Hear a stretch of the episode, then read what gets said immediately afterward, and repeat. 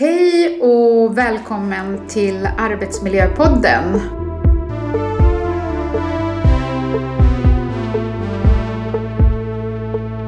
Mitt namn är Milla Jonsson och det är jag som driver den här podden. Och idag så har jag den stora äran att ha Helena Grufman här ifrån Viredo. Och eh, Helena, varmt välkommen till Arbetsmiljöpodden. Tusen, tusen tack. Eh, du ska snart få presentera dig och innan du gör det tänkte jag att jag ska presentera några av våra i alla fall sponsorer som vi har och det är ju Stockholm Academy som bedriver olika utbildningar inom arbetsrätt, arbetsmiljörätt, ledarskap. Det kan vara allt ifrån eh, certifierad rehabledare till eh, ja, ledarskapsutbildningar. Och sen har vi ju också Helst Kommunikation som hjälper oss att klippa ihop de här poddavsnitten. Nu Helena, vem är du? Välkommen hit! Tack snälla! Helena Grufman heter jag, en av delägarna i Viredo AB. Den andra delägaren heter Jessica Svensson. Vi har kamperat ihop i snart 14 år tror jag det blir. Oj, vad tiden går. ja, det kan man säga. Vad gör ni för någonting? Vi är en redovisningsbyrå som tar hand om allting från ax till limpa. Vi startar bolag, vi förvaltar bolag, vi gör årsredovisningar, inkomstdeklarationer och så vidare. Och i det så tar vi också hand om löner och HR. Ja, och det är ju en av orsakerna att du, du egentligen sitter här. För man kanske kan fråga sig hur kommer det sig att någon som håller på med redovisning hamnar i Arbetsmiljöpodden? Men se, det ska ni snart bli varse om. Eh, innan vi går vidare, hur kom du in på det här med siffror och redovisning? Vad var det som föranledde det? Jag började plugga nationalekonomi faktiskt, men insåg att på den tiden fick man inga jobb. Så då var, bytte jag helt enkelt inriktning till redovisning finansiering och på den vägen är det. Och jag har haft förmånen att jobba i alla möjliga olika branscher och bolag och så vidare. Eh, och på sista jobbet så blev jag faktiskt av med den tjänsten för att bolaget köptes upp av ett annat och då är det poppis att ta bort ekonomer. Och det var så Jessica hittade mig på Arbetsförmedlingens hemsida. Jaha. Ja, faktiskt. På amf.se eller AMS. Ja, det är vad det nu heter. Stadsbanken. Ja, ja, Och, eh, så jag träffade henne och så, ja jag vet inte, det bara funkar. Och sen den dagen har vi kamperat ihop. Vad häftigt! Ja. Fantastiskt. Och sen så valde ni då att bilda ett bolag ihop. Eh, Viredo fanns redan. Det hade funnits sen eh, september 2006 och då räknar alla lite snabbt ut att det är 15-årsjubileum. Och 2007 så fick hon sin första son och var mammaledig. Och under hennes mammaledighet så slutade en tjej och det var då hon behövde rekrytera. Och det var då jag kom in i bolaget och ja, sen den dagen så är det vi. så är det ni. Men underbar historia. Idag är ju inte längre Viredo ett litet företag. Ni Nej. har ju ändå vuxit under de här åren. Berätta om er resa. När jag kom in på Viredo så var vi sex anställda totalt, inklusive Jessica. Sen kom ju den berömda Lehman Brothers-krisen 2008. Och då vi hade många fastighetsbolag så ser man ju konjunkturen väldigt snabbt där. För finns det pengar, då bygger de och säljer. Finns det inga pengar, då kan de inte bygga och då förstår man vad som händer. Och det gjorde att vi fick dra ner vår styrka till tre personer och har därefter jobbat oss upp. Och idag så tror jag vi är cirka 20 anställda. Vad roligt! Ja, det är helt otroligt. Och vad var det som gjorde att du också hamnade i frågeställningarna kring arbetsrätt och arbetsmiljörätt? Som ekonom, var man än är i vilket bolag den må vara, så får man alltid frågor om precis allting. För det finns en tro att ekonomer kan allt, vet allt och är strukturerade, vilket såklart har substans. Så mina frågor kring arbetsrätt och löner börjar egentligen innan vi redo. Sen blev det naturligt att jag gick in i just HR-delen här. För jag tycker det är intressant och jag tycker det är utvecklande. Och allt eftersom ett bolag växer desto mer krävs det av regler, rutiner och förståelse för hur människor fungerar i grupp. Och att skapa en bra arbetsmiljö, det är ju ett livsverk skulle jag nästan vilja säga. För det som, du måste hela tiden förvalta allt du inte ger kärlek. Det växer inte. Så vi gör allt vi kan för att skapa en arbetsplats som vi själva vill ha. När kände du att brytpunkten kom då? Jag vet att du har ju någon gång berättat för mig att ah, det finns en gyllene brytpunkt när man verkligen behöver se till och, och få liksom koll på just de här reglerna, vad det innebär och hur man ska förhålla sig. Mm. Brytpunkten började väl egentligen närma sig 2016. För då märkte jag att det hände väldigt mycket på arbetsmarknaden i och med att personal deras inställning till arbetsgivaren ändrades och hade man då inte kunskap så hamnar man i svåra situationer. Och jag minns speciellt ett fall som verkligen fick mig att ta steget att börja plugga arbetsrätt. Det var en man som gick med subtila skämt och sexuella anspelningar och fick på så sätt sin omgivning att bli orolig när han närmade sig. Och det blev ingen skön känsla hos den kunden och det blev framförallt ingen trygghetskänsla hos de anställda. Och eftersom arbetsgivaren och ägaren till bolaget inte kände till att en arbetsgivare också har rättigheter och möjligheter att förändra så blev det dyrt. För att den här killen kopplade in sitt fackförbund och där han för övrigt var känd, kom det fram i efterhand. Och de hade ett system och satte en, ja vad ska vi säga, haj på det hela, rutinerad, som tryckte till arbetsgivaren. För de märkte ju att arbetsgivaren inte hade kunskap. Och då någonstans kände jag att nej, det kan inte vara så att en arbetsgivare bara har skyldigheter. Det måste finnas en balans i det här också.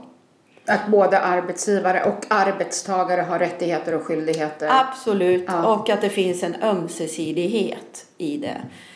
Eh, en anställning är ett gemensamt förtroende och ska så förvaltas. Men om man inte vet ramar och regler och känner osäkerhet och då får in fel person så kan en arbetsgivare uppleva att den bara har skyldigheter. Och det var det jag ville undersöka. Är det verkligen så? För jag vill inte att det ska vara så. Jag vill ha den här gemensamheten. Ja. Fick du någon aha-upplevelse då? Vad hände? Jag tog en kurs i arbetsrätt och ja, definitivt. Framför allt att man vågar ta en diskussion. För det var också, tyckte jag, så otroligt svårt. När en kund kommer och har ett problem innan du har läst någonting kring arbetsrätt, innan du har satt dig in i olika case och fått vara med om olika saker och vara delaktig i det, då kan det te sig lite skrämmande. Men det är egentligen bara som allt annat, sätta sig ner, bena ut det och fokusera på att det ska bli så bra som möjligt. För det är människor vi har att göra med. Du gick hos SRF Konsult, eller hur? Som är en branschorganisation.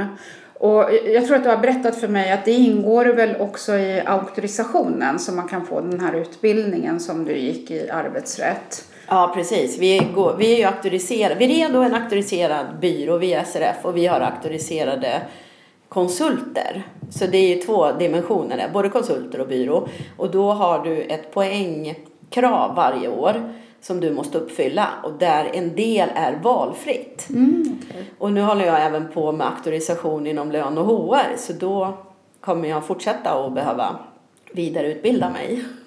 Härligt! Jag tänkte på när du berättade att du fick en massa kunskaper. Vad har varit egentligen den viktigaste kunskapen? För många som jobbar inom HR som jag har pratat med, de, de nämner dokumentation. Mm. Och eh, hur har din upplevelse varit kring just den biten? Dokumentation är A och O inom allting kring HR, arbetsrätt och arbetsmiljörätt. Definitivt. Och att man ska försöka att se det som en dagbok. Det vill säga inte att det är något extra moment eller så jobbigt, för att det är inte det. Och så ska man gärna skriva ner hur ett möte har gått och hur det har uppfattats. För nyanserna i hur saker och ting utvecklas kan vara väsentliga när man väl sitter med dem. För det är omöjligt att komma ihåg saker och ting om man inte dokumenterar. Ni, ni har ju sådana här omtänksamhetssamtal, tror jag mm. ni kallar dem för. Va?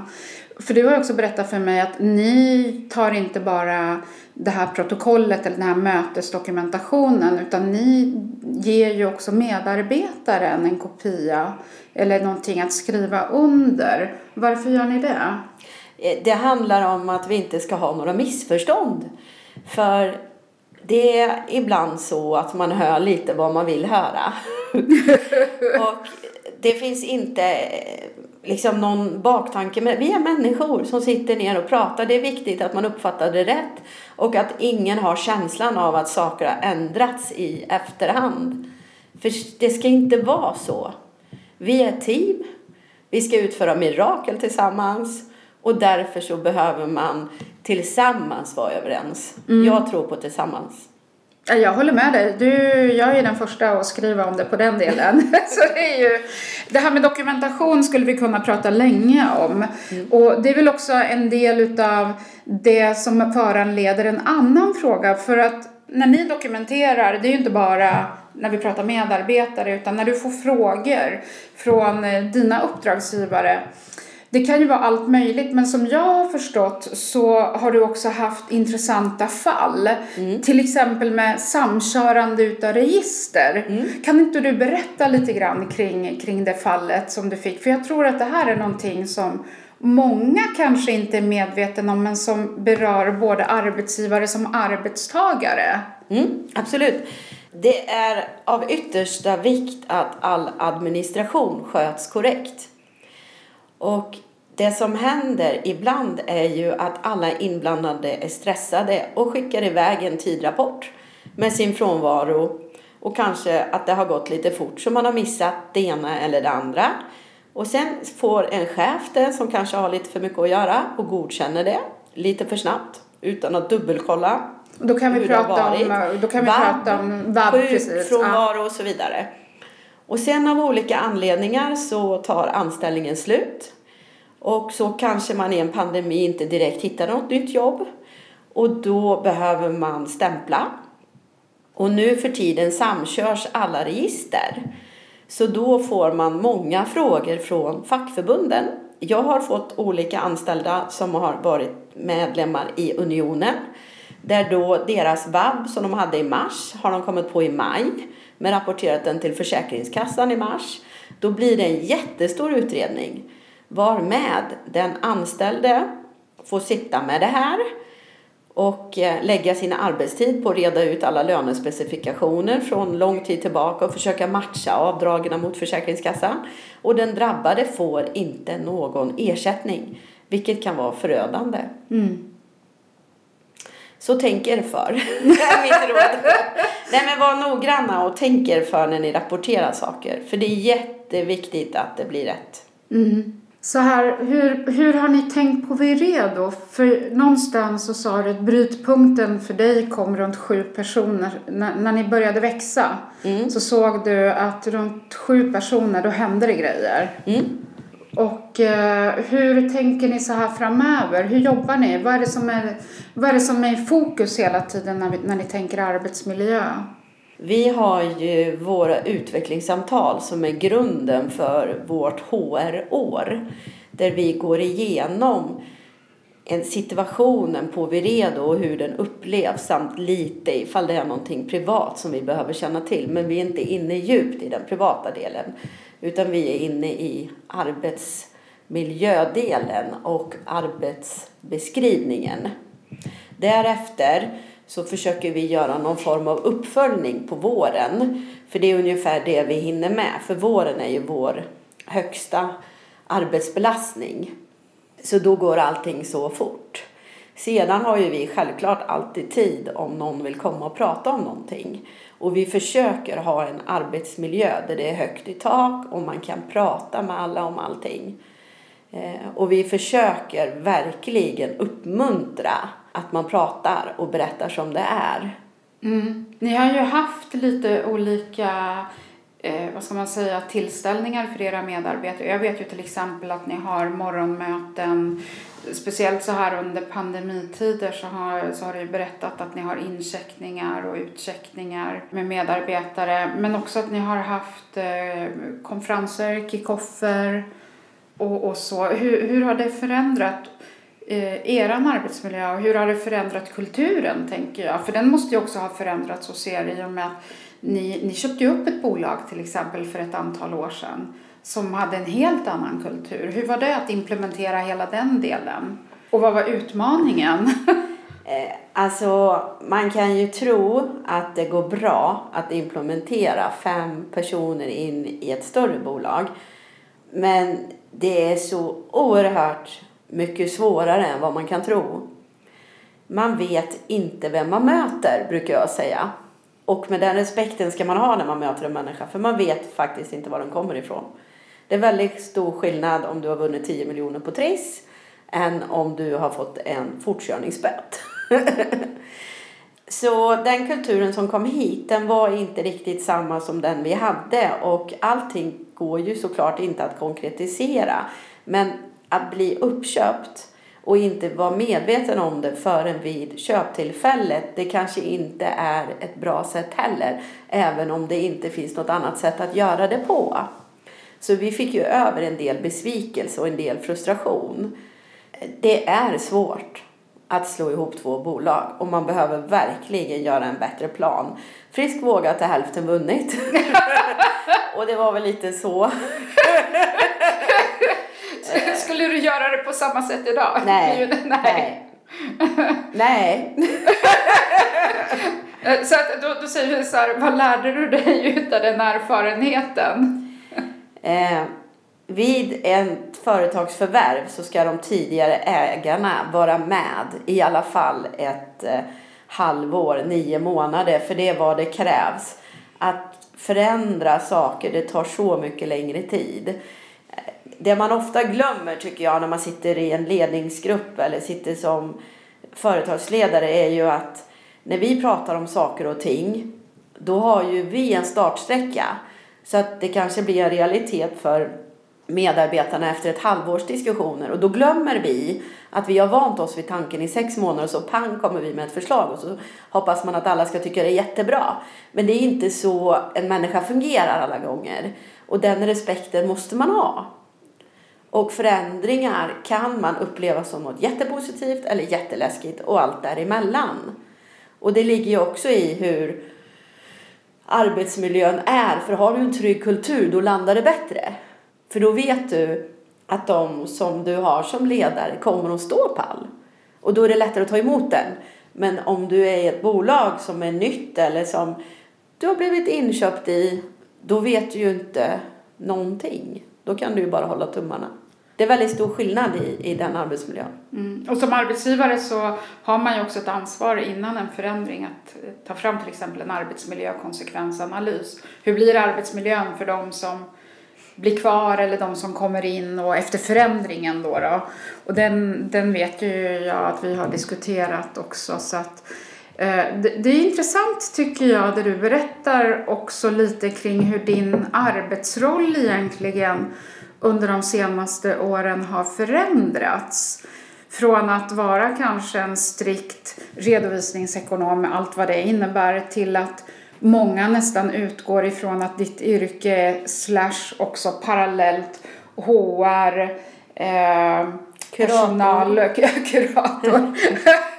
Men också att man nästan tar för givet att man är jätteduktig inom arbetsrätt, arbetsmiljörätt. Mm. Ja, det är helt otroligt vilka förtroende man får. Jag är mållös och tacksam varje gång det händer.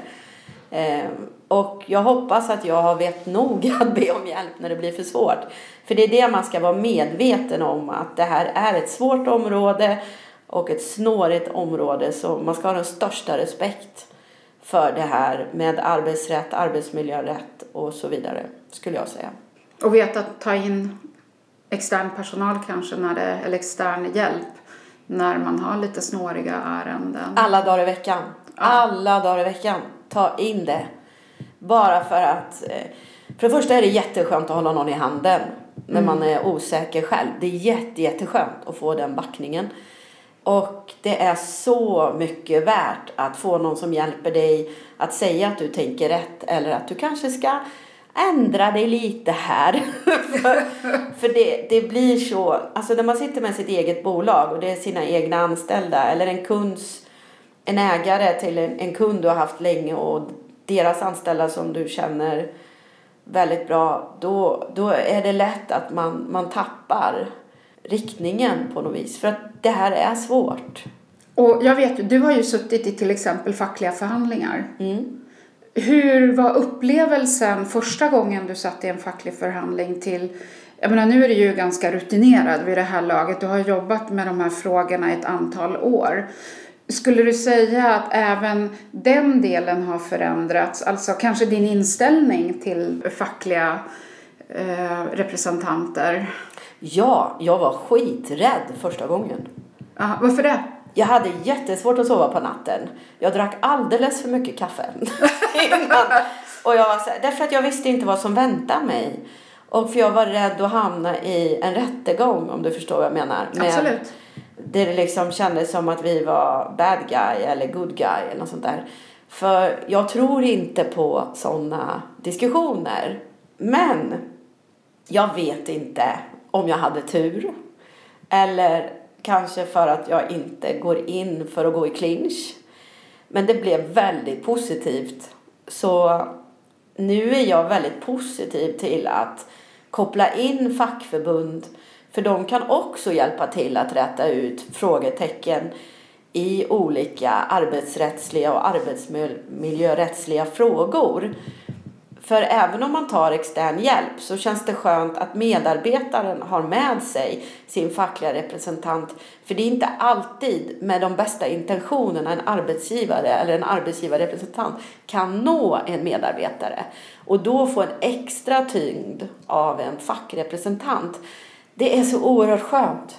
För alla vill ju att det ska fungera. Det finns inte ett fackförbund som vill sitta i förhandlingar egentligen, är min uppfattning efter de här åren. För alla vill att det ska fungera.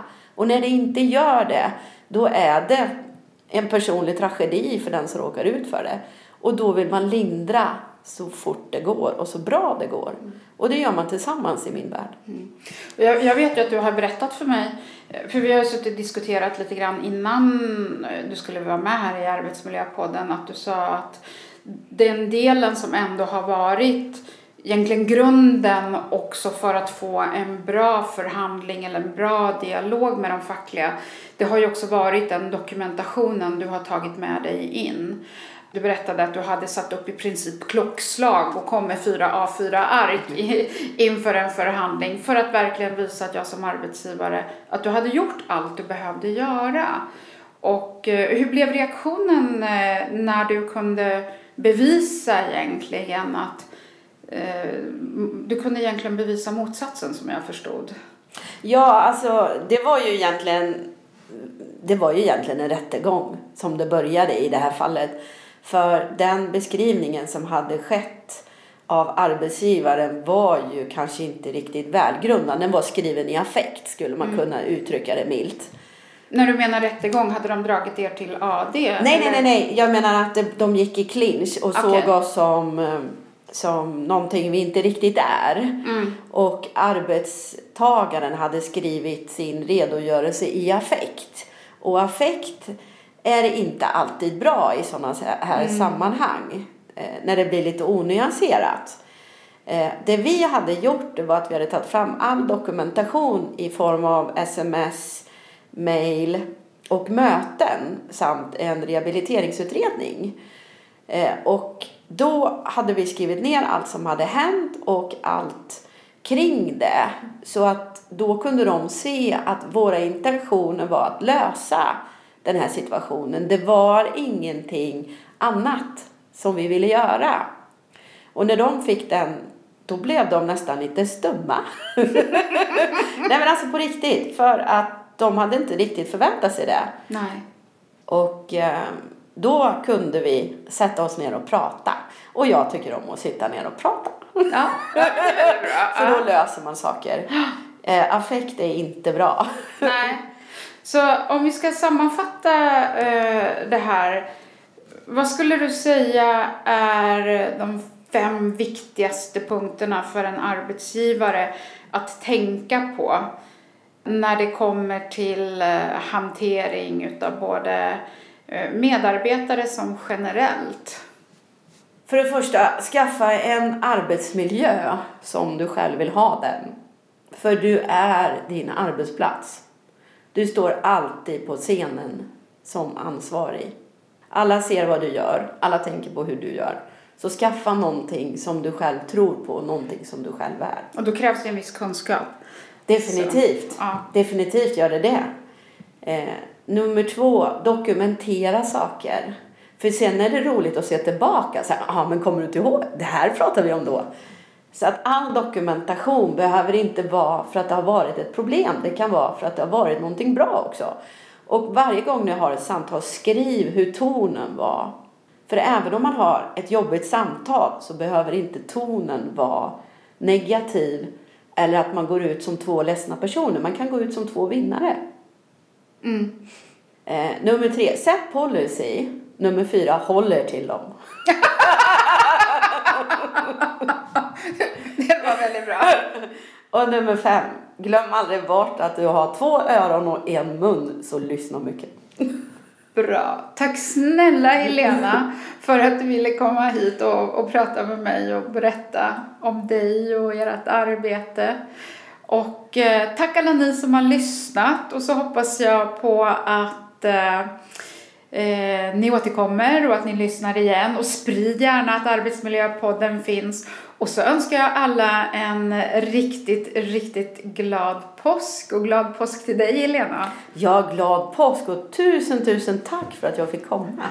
Ha det så bra allihopa. Hej då! Hej då!